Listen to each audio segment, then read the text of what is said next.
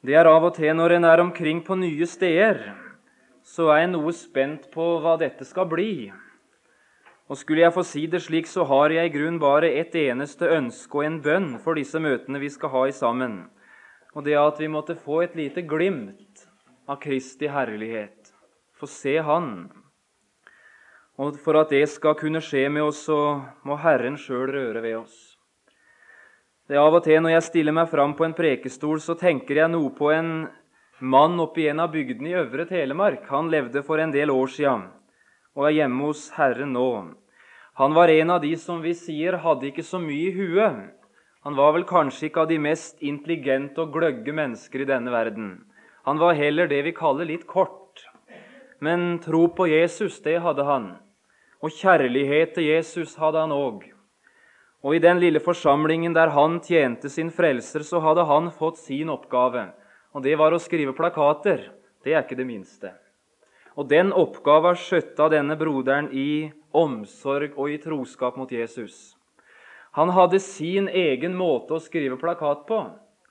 Når han skrev, så skrev han omtrent som følger NN, altså predikantens navn, da, holder nedbrytelses og oppbyggelsesmøte på bedehuset.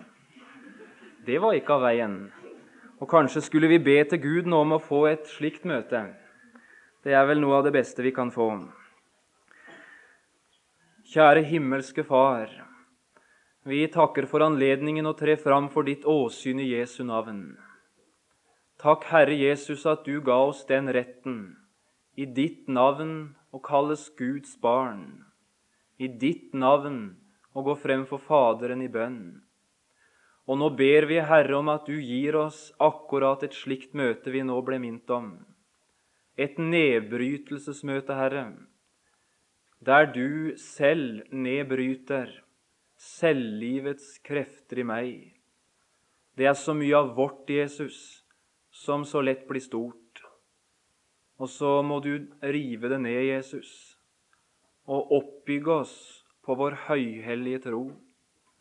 La oss få oppleve det at det ord som skal deles ut disse dager, måtte være til oppbyggelse, til formaning, til trøst og til veiledning. Nå kjenner du, Jesus, enhver som er på møte her i kveld. Og jeg ber deg om din rike signing over hver enkelt. Kjære Hellige Ånd, kast glans over Jesus for oss. Amen. Vi skal lese sammen i kveld et skriftavsnitt fra Johannes evangeliet i kapittel 8. Og vi leser derifra det 31. verset. Johannes evangeliet i kapittel 8 og vers 31 i Jesu navn. Jesus sa da til de jøder som var kommet til tro på ham:" Dersom dere blir i mitt ord, da er dere i sannhet mine disipler. Og dere skal kjenne sannheten, og sannheten skal frigjøre dere. De svarte ham, Vi er av Abrahams ett og har aldri vært noens treller. Hvorledes kan da du si dere skal bli fri? Jesus svarte dem, Sannelig, sannelig sier jeg dere, hver den som gjør synd, er syndens trell. Men trellen blir ikke i huset til evig tid. Sønnen blir der til evig tid. For da Sønnen frigjort dere, da blir dere virkelig fri. Jeg vet at dere er av Abrahams ett, men dere står meg etter livet, fordi mitt ord ikke finner rom i dere. Jeg taler det jeg har sett hos min Fader. Så gjør også dere det dere har hørt av deres far. De svarte ham, Vår far er Abraham. Jesus sier til dem, Var dere Abrahams barn, da gjorde dere Abrahams gjerninger. Men nå står dere meg etter livet, et menneske som har sagt dere sannheten som jeg har hørt av Gud. Det gjorde ikke Abraham. Dere gjør deres fars gjerninger. De sa til ham, Vi er ikke avlet i hor. Vi har én far, Gud. Jesus sa til dem, Var Gud deres far, da elsket dere meg, for jeg er utgått fra Gud og kommer fra ham. For jeg er heller ikke kommet av meg selv, men Han har utsendt meg. Hvorfor skjønner dere ikke min tale? Fordi dere ikke tåler å høre mitt ord. Dere har djevelen til far, og dere vil gjøre deres fars lyster. Han var en manndraper fra begynnelsen og står ikke i sannheten, for sannhet er ikke i ham. Når han taler løgn, taler han av sitt eget, for han er en løgner og løgnens far. Men meg tror dere ikke, fordi jeg sier dere sannheten. Hvem av dere kan overbevise meg om synd? Men sier jeg sannhet, hvorfor tror dere meg da ikke? Den som er av Gud, hører Guds ord. Derfor hører dere ikke, fordi dere ikke er av Gud. Amen. Det tekstordet vi har lest her fra Johannes 8, det gir oss anledning å stille et voldsomt viktig spørsmål. Det er vel kanskje det spørsmålet som er aller viktigst i denne verden. Hvorledes går det egentlig til at et menneske blir frigjort? Hva skal til for at et menneske slik som du og slik som jeg kan løses ut ifra alt det som binder oss på mange av livets områder, og ikke minst med tanke på de evige ting? Hva skal til for at mennesker som du og jeg virkelig kan bli fri? Det er jo egentlig ikke noe annet enn å stille spørsmålet hvorledes går det til å bli en kristen? Hva må skje med en synder for å bli et sant Guds barn? Ja, er det noen som innvender, kan det være nødvendig å preke så mye om i vår tid. Nå har de preka Guds ord her i Norge i hundreder av år. Og det er vel det de har preka aller mest om. Som det der, det der kan vel folk i dag. Det vet vel alle det, vel, hvorledes det går til å bli en kristen. Det må da være viktigere ting i vår tid å preke om enn det. I vår tid så er det jo så mange andre ting det spørres om. Det spørres om forhold til konkrete synder, og det spørres om forhold til karismatikk. Og, og der tales om, om, så mange ting som er aktuelt i vår tid. Det er vel det vi må preke om, og ikke dette som de alltid har prekt om. Ja, til det så har jeg ganske lyst til å si hadde vi visst dem, hvor mange som ikke vet hvorledes det går til, å bli en frigjort kristen. Hadde vi visst hvor mange det er, så hadde vi ikke innvendt det som jeg har sagt noe om nå. Jeg tror jeg tør si det uten å være profet, at det er én ting vi trenger å preke mer om i vår tid enn noe annet. Vet du hva det er? Det er den enkle vei til et sant og skvært forhold til Jesus. For det er det mange, i alle fall østpå, og kanskje her vest òg, som er i våre kristne forsamlinger som ikke vet. Vel bærer de kristennavn, vel er de av de som i bygd og by regnes for å være religiøse. Men frigjort i Guds ords betydning, det er de ikke. Hvorledes går det til å bli en frigjort kristen?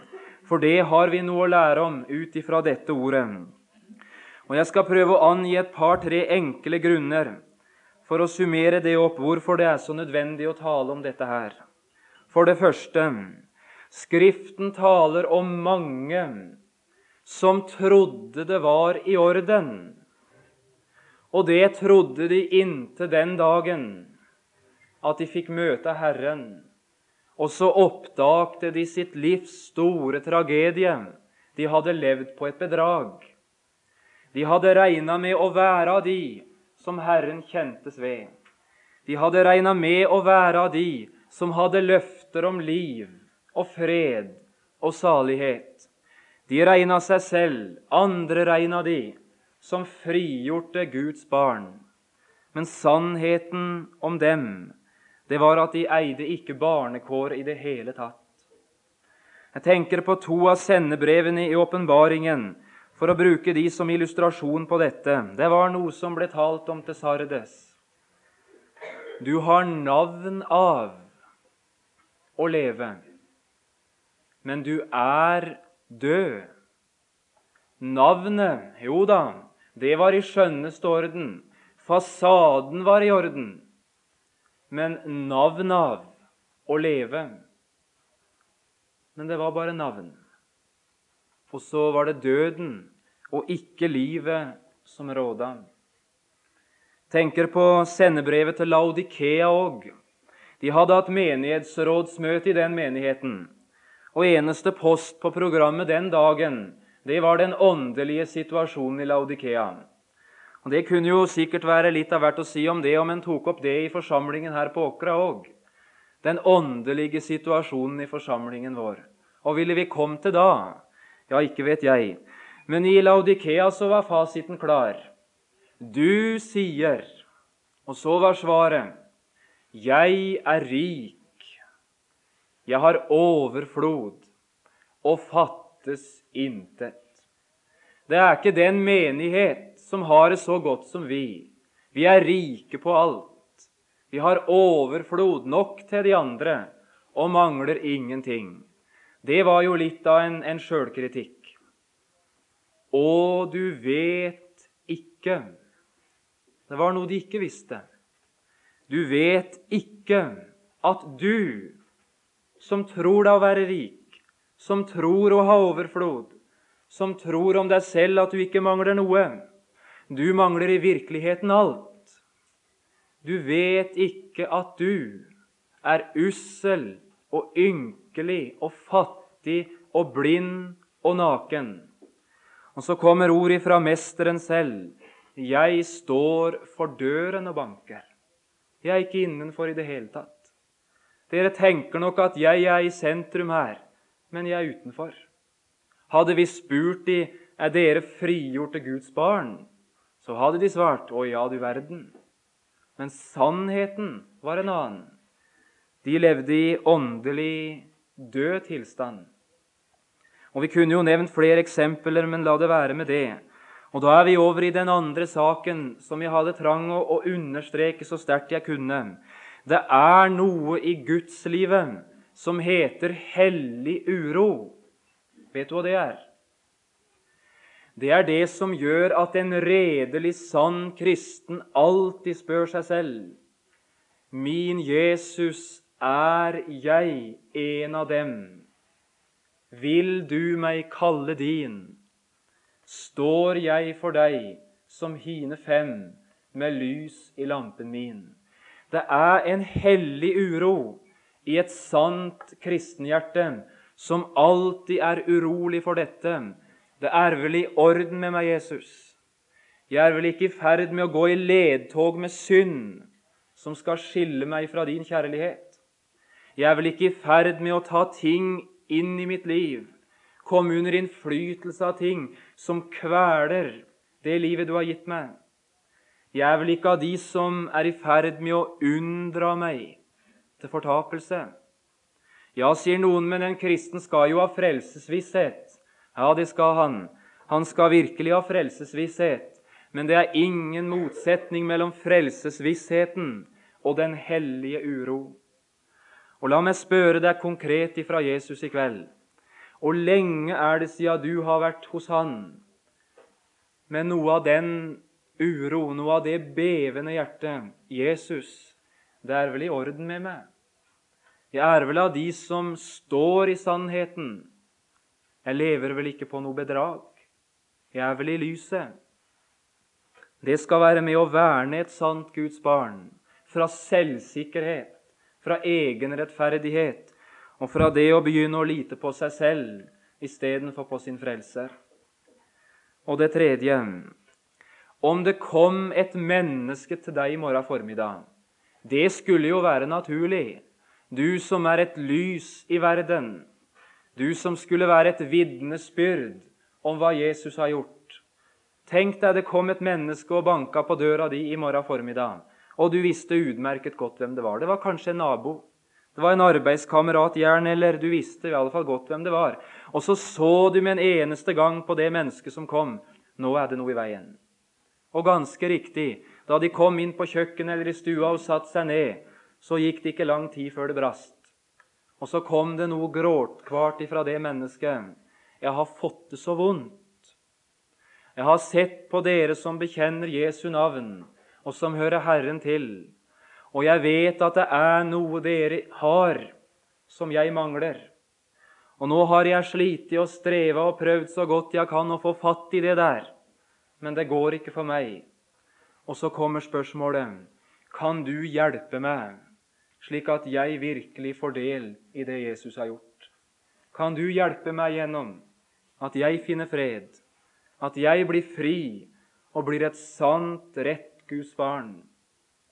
Visste du hva du skulle si til et sånt menneske?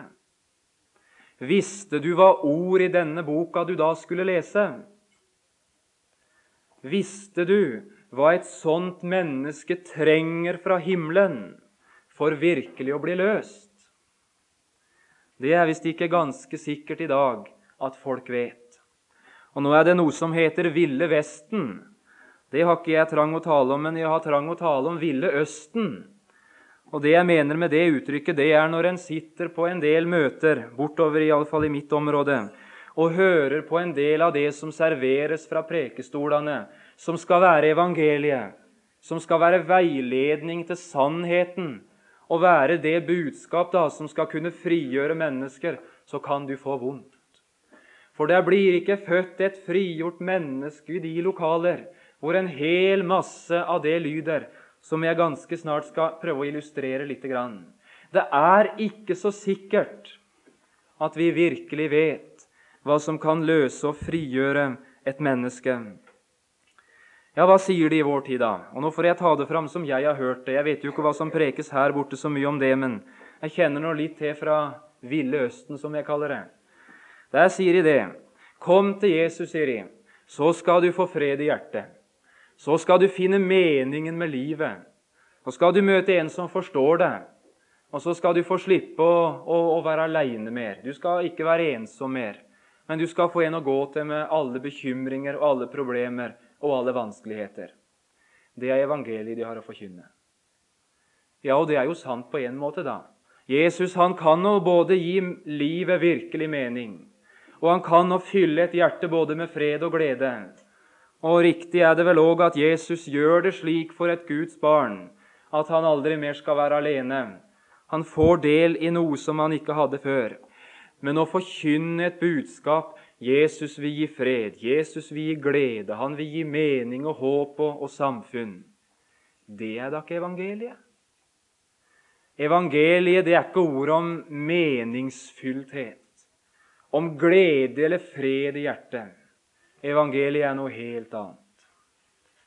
Ja, sier andre, det som må til for at mennesker skal bli et sant Guds barn, det er at de er ærlige mot seg sjøl og bygger på sine egne ressurser og ikke tror mer og større om seg sjøl enn det de bør, men er nøkterne og ærlige og, og kjenner seg sjøl og, og forsøker liksom å, å, å bli til det som de har evner og anlegg for. Hvis de kan tenke rett om seg sjøl på den måten, så skal de nok komme til rette både med det ene og det andre. Det er et nydelig evangelie.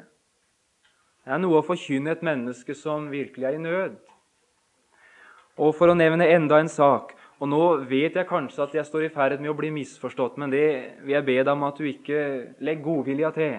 Så skjønner du hva jeg mener. Du frigjør ikke et menneske ved å si 'det du må gjøre, det er å tro'. Eller 'det du må gjøre, det er å omvende deg'. Eller 'det du må, det er å bli født på ny'. Eller enda 'det du må, det er å bekjenne dine synder'. Hvis du det gjør, tror, omvender deg, blir født på ny, bekjenner din synd Kan du bare klare det, så blir du frigjort, og så er det i orden. Og jeg undres på om ikke endog han som står på prekestolen, ofte har forkynt det med den tro at dette er evangeliet. Evangeliet er ikke å si til et menneske du må tro. Evangeliet er ikke å si til et nødstedt menneske at 'du må omvende deg'. Hva skal han da gjøre? Eller for å ta det verste, da. Du må bli født på ny. Det er jo å be dette stakkars mennesket om det umulige. Ja, For hva skal han da gjøre? Du må bli født på ny, sier Jesus til Nikodemus. Nikodemus ble ikke født på ny ved det. Han hørte om en ny fødsel, men det ordet inneholdt ingen kraft til å føde. Kjenner du evangeliet? Vet du hva et menneske virkelig trenger for å bli frigjort? Og Det kunne vi kanskje gått enda litt mer rundt grøten for å komme til, men la oss gå direkte inn i den. Hva er evangeliet? Eller hva må til for at en trellbunden sjel virkelig kan bli frigjort og løst? Hva er det han trenger å få høre? Og Skulle vi si det ganske enkelt, så måtte vi si det sånn. Det er ordet om Kristi gjerninger. Det er ordet om hva Jesus har gjort én gang for alle, og derfor også for den nødstedte sjel som sitter der og spør etter veien. Det er ordet om Jesus som er det eneste ord som kan frigjøre et menneske. Og hva som ligger i det ordet, skal vi i øyeblikk komme til. Det du og jeg som veiledere og sjelevinnere skulle være oss bevisst og være klar over, det er dette. Vi er så avhengig av at Gud ved sin ånd får åpenbart for dette mennesket hva han har fått i Jesus. Det er det som er saken. Det dette mennesket virkelig trenger, som kommer og som er i nød, og som spør etter veien. Hva er det han trenger? Han trenger at Gud begynner å røre ved han og åpenbare for hans hjerteliv hva han har fått i Jesus. For får en synder virkelig se det, så blir han løst. Det kan du stole på. Får han se hva Jesus har gjort for han personlig, få se hva Golgata er for noe, få se hva korset er for noe. Får han se det, så kommer han også i kontakt med det som heter Guds kraft til frelse. Ja, vet ikke folk hva, hva det er for noe, det Jesus har gjort? Ja, Det er det mange som ikke vet. Her visste de det ikke. Jesus taler til en del mennesker som var kommet til tro på ham, står det. Det betyr ikke at de var kommet til frelsende tro på Jesus, men de var kommet til tro på at han muligens kunne være Messias. Det begynte å gry noe, og så ante de at han kunne muligens være den Messias som Moses og profetene talte om. Men at de var frigjort, det skjønner vi jo fort at de ikke var, for Jesus kaller de både treller og barn av djevelen. Hva var i veien med disse menneskene? Vil du merke deg det som står i slutten av vers 37? Hvorfor var det galt? Fordi Fordi mitt ord ikke finner rom i dere. Det var et ganske bestemt budskap de var stengt for. De hadde hørt mye av Jesu tale. Mye hadde de kanskje endog åpna seg for. Men det var ett bestemt ord som Jesus hadde talt, som de ikke ville åpne seg for. De var stengt. Mitt ord finner ikke rom i dere. Og slutten av vers 43. Fordi dere ikke tåler å høre mitt ord. De tålte ikke et bestemt ord av Jesus. Og så stengte de seg til. Og når de stengte seg til for dette ordet om Han, så stengte de seg samtidig til for den kraft som frelser. De stengte seg inne i trelldommen, i dette ikke å bli løst. Ja, hva inneholder ordet om Jesus? Og Nå er vi ved det som jeg aller helst hadde trang å få understreket. Og husker du ikke noe annet av det jeg bærer fram i kveld, da ville jeg så gjerne du skulle huske det. Hva sier Skriften om Jesus? Hva er egentlig ord om Jesus? Hva er Faderens budskap til deg og meg om Jesus? Hva var det for noe ved Jesus som gjorde at han formådde å frigjøre oss, løse oss? Ja, det var to ting. Det ene med Jesus, det var dette. Han hadde levd mitt liv om igjen. Og jeg glemmer ikke hva det skapte i mitt liv da det gikk opp for meg. At Jesus hadde levd mitt liv om igjen. Det hadde jeg aldri hørt, ærlig talt. Det vil si, det kunne vel være jeg hadde hørt det, men jeg hadde ikke skjønt det. Og jeg skal ganske ærlig fortelle hvorledes jeg hadde det.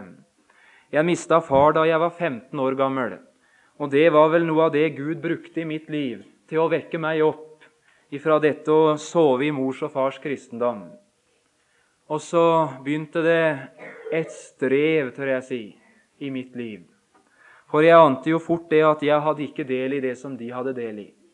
Og så skulle en gå i gang da med å få del i det. Og så skulle en forsøke da å innrette sitt liv etter dette Skriftens ord. Og det var ingen enkel sak. Du verden hvor gærent det gikk. For når en skulle begynne da, vet du, å forme livet sitt etter det som en ante at sto her imellom disse to permer, så måtte en slutte med en del ting, og så måtte en begynne med en del ting. Og så, og så skulle en liksom bli slik, da, som Skriften sa en skulle være. En skulle liksom bli en annen. Og det var jo helt håpløst. Jeg tør ikke si hvor mange ganger det der var til Ja, det var nesten til fortvilelse for meg. Du er jo ikke, John, sånn som du skulle være. Og skal det fortsette på denne måten, så kan du avskrive alt som heter himmel, og alt som heter kristenliv i denne verden. Det er nå sikkert. For å bli slik som Herren krever at du skal være, det klarer du aldri. Og så fikk jeg høre noe en dag som jeg aldri hadde hørt. Da Jesus kom igjen, så levde han ditt liv om igjen. Jesus kom ikke for å hjelpe oss å leve, først og fremst. Men han kom for å leve vårt liv om igjen. Og hva betydde det? Jo, det betydde at jeg som møtte krav om rettferdighet, men ikke makta å leve rettferdig, jeg fikk motta en rettferdighet gjort i stand av Jesus. Jeg som møtte krav om hellighet, og som var like fri for hellighet som ild er av vann. Jeg fikk motta en hellighet av Jesus. Jeg som møtte krav om ulastelighet, om ustraffelighet. Ja, for det er jo det som skal til. Og som verken var ulastelig eller ustraffelig. Jeg fikk høre at Jesus har levet et liv ulastelig og ustraffelig for deg. Og så skulle jeg få slippe å slite og streve og få til det liv som jeg aldri klarte å få til. Jeg skulle få motta et liv. Ja, er det Skriftens lære? Ja visst er det det. Filippenserbrevet 3,8. Og er det Paulus jubler ut der har han skrevet like før om at det som var meg en vinning, sier han, det har jeg for Kristi skyld aktet for tap. Skrap står i den nye oversettelsen, og det er nå et godt uttrykk. Iblant en del andre uttrykk i den oversettelsen, men det var nå så. Skrap, det var det det var, det før en møtte Jesus. Og så var det født noe nytt. At jeg må finnes i ham ikke med min rettferdighet, den som er av loven, men ved den rettferdighet som fås av Kristus, av Jesus. Rettferdigheten fra Gud på grunn av troen. Det var en rettferdighet å få. Ikke en rettferdighet å, å slite og streve for å tilveiebringe, men en rettferdighet å få. Og så gikk det opp et annet ord for meg, som Paulus skriver om i romerbrevet. Ikle eder den Herre Jesus. Når jeg gikk hjemmefra på flyet i dag, ja, da skulle dere sett meg. Da så jeg ut omtrent som en drukna katt. Det var snøstorm i Oslo omtrent, og jeg hadde ikke noe på huset. Det rant omtrent alle veier her. Men før det så hadde jeg vært inne på hybelen min og tatt på meg den dressen her. Og den dressen den hang ferdig, den, i skapet mitt. Den har jeg kjøpt for et par år siden, så den er ikke noe ny. Men, men jeg kunne bare kle den på meg. Den var ferdig. Det skjedde i et nu, det. Iallfall ikke så lang tid. Dressen var ferdig, og jeg kunne ta den på meg. Jeg kunne ikle meg den, for det var en skredder eller en fabrikk på forhånd som hadde lagd den i stand. Hva skjedde da du ble en kristen, John? Da fikk du ikle deg noe som en annen hadde gjort ferdig på forhånd. Da fikk en møte ei drakt, en skrud om du vil, som en annen, mesteren selv, hadde gjort i stand. Og så sa han, se å få av deg det du har på deg. Se å slutt med det der og skulle vaske den der skitne kleendringen din. Det kommer aldri å bli noe greie på. Få da ikle deg den Herre Jesus. Jesus levde ditt liv om igjen. Har du merka djevelens anklage noen gang? Og det har du. Og er det djevelen prøver å fortelle deg når han kommer til deg i tunge stunder? Og da forsøker han å si deg det, at du kan bare hive alt som heter kristendom, på båten. For sånn som du er, så kan du da skjønne det at Jesus vil ikke ha noe med deg å gjøre. Hva er det du har opplevd? Jo, du kan ha vært i en fristelse, og du visste det var galt, det du gjorde, men du falt. Du kunne ha vært mint av Herren om å vitne for et annet menneske, naboen kanskje, og du visste nå anledningen, men så tidde du. Og så ble du så anklagt, du ble så anfekta, og så kom djevelen. Det er en nydelig kristen du er. Det er virkelig en prektig kristen Gud har i deg. Jeg skal si deg en ting, jeg sa djevelen, nå skal du slutte med det hykleriet. Nå skal du slutte å gå omkring og prøve å forespeile både for Gud og mennesker at du er en kristen. Jeg skal si deg en ting, sier djevelen. Det er ikke mer gnist av kristenliv i deg enn det er i meg. Det du er, det er en hykler. Kjenner vi den stemmen der? Ja, det gjør vi. Da dømmer han oss på grunn av vårt liv. Og så vil han ha oss til å gå bort ifra Jesus. Og skal jeg møte djevelens anklage med jeg skal møte han med ordet om Han som levde mitt liv om igjen. Jeg skal si deg en ting, djevel, at grunnen til min frimodighet for Gud, det er ikke et prektig, vellykka kristenliv. Men grunnen til frimodigheten min, det er en annens gjerninger. Det er en annens liv. Han levde mitt liv om igjen. Og så står jeg ikledd hans rettferdighet for Faderen. Og så er jeg som Faderen vil. Det er ord om Jesus. Når det går opp for et menneske som har slitt og streva med det å skulle bli som Gud krever, nå skal du se forandring. Det er ord om Jesus, det ene. Og det andre er dette. Han ikke bare levde ditt liv om igjen, ga deg et nytt liv, men han tok det fulle ansvaret for ditt gamle liv. Det er et ord i 2. Korinterbrev 5.15 som gikk opp for meg i sammen med dette her, som jeg ikke hadde sett før heller. I vers 14 i andre kor 5.: Kristi kjærlighet tvinger oss. Og så kommer det noe. I det vi har oppgjort dette med oss selv, at én er død for alle, det hadde jeg hørt. Det kjente jeg til. Men Derfor er de alle døde. Det hadde jeg ikke gått opp for meg. Det hadde jeg ikke lært. Når én er død for alle, så er dermed alle døde. Og så ante jeg, så så jeg noe i det der. Hva er Kristi kors? Det er oppgjøret med mitt liv. Hva så Gud i Kristi kors på Golgata? Han så en Adam som falt i synd. I korset så, så han en Peter som banna på han ikke kjente Jesus. Han så en Paulus som kasta Guds menighet i fengsel. Han så John Hardang med et 16-årig forfeila liv, like upassende inn i himmelen som, som noe.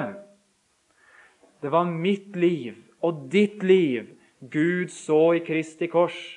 Jesus døde for alle, ja, men han døde også som alle.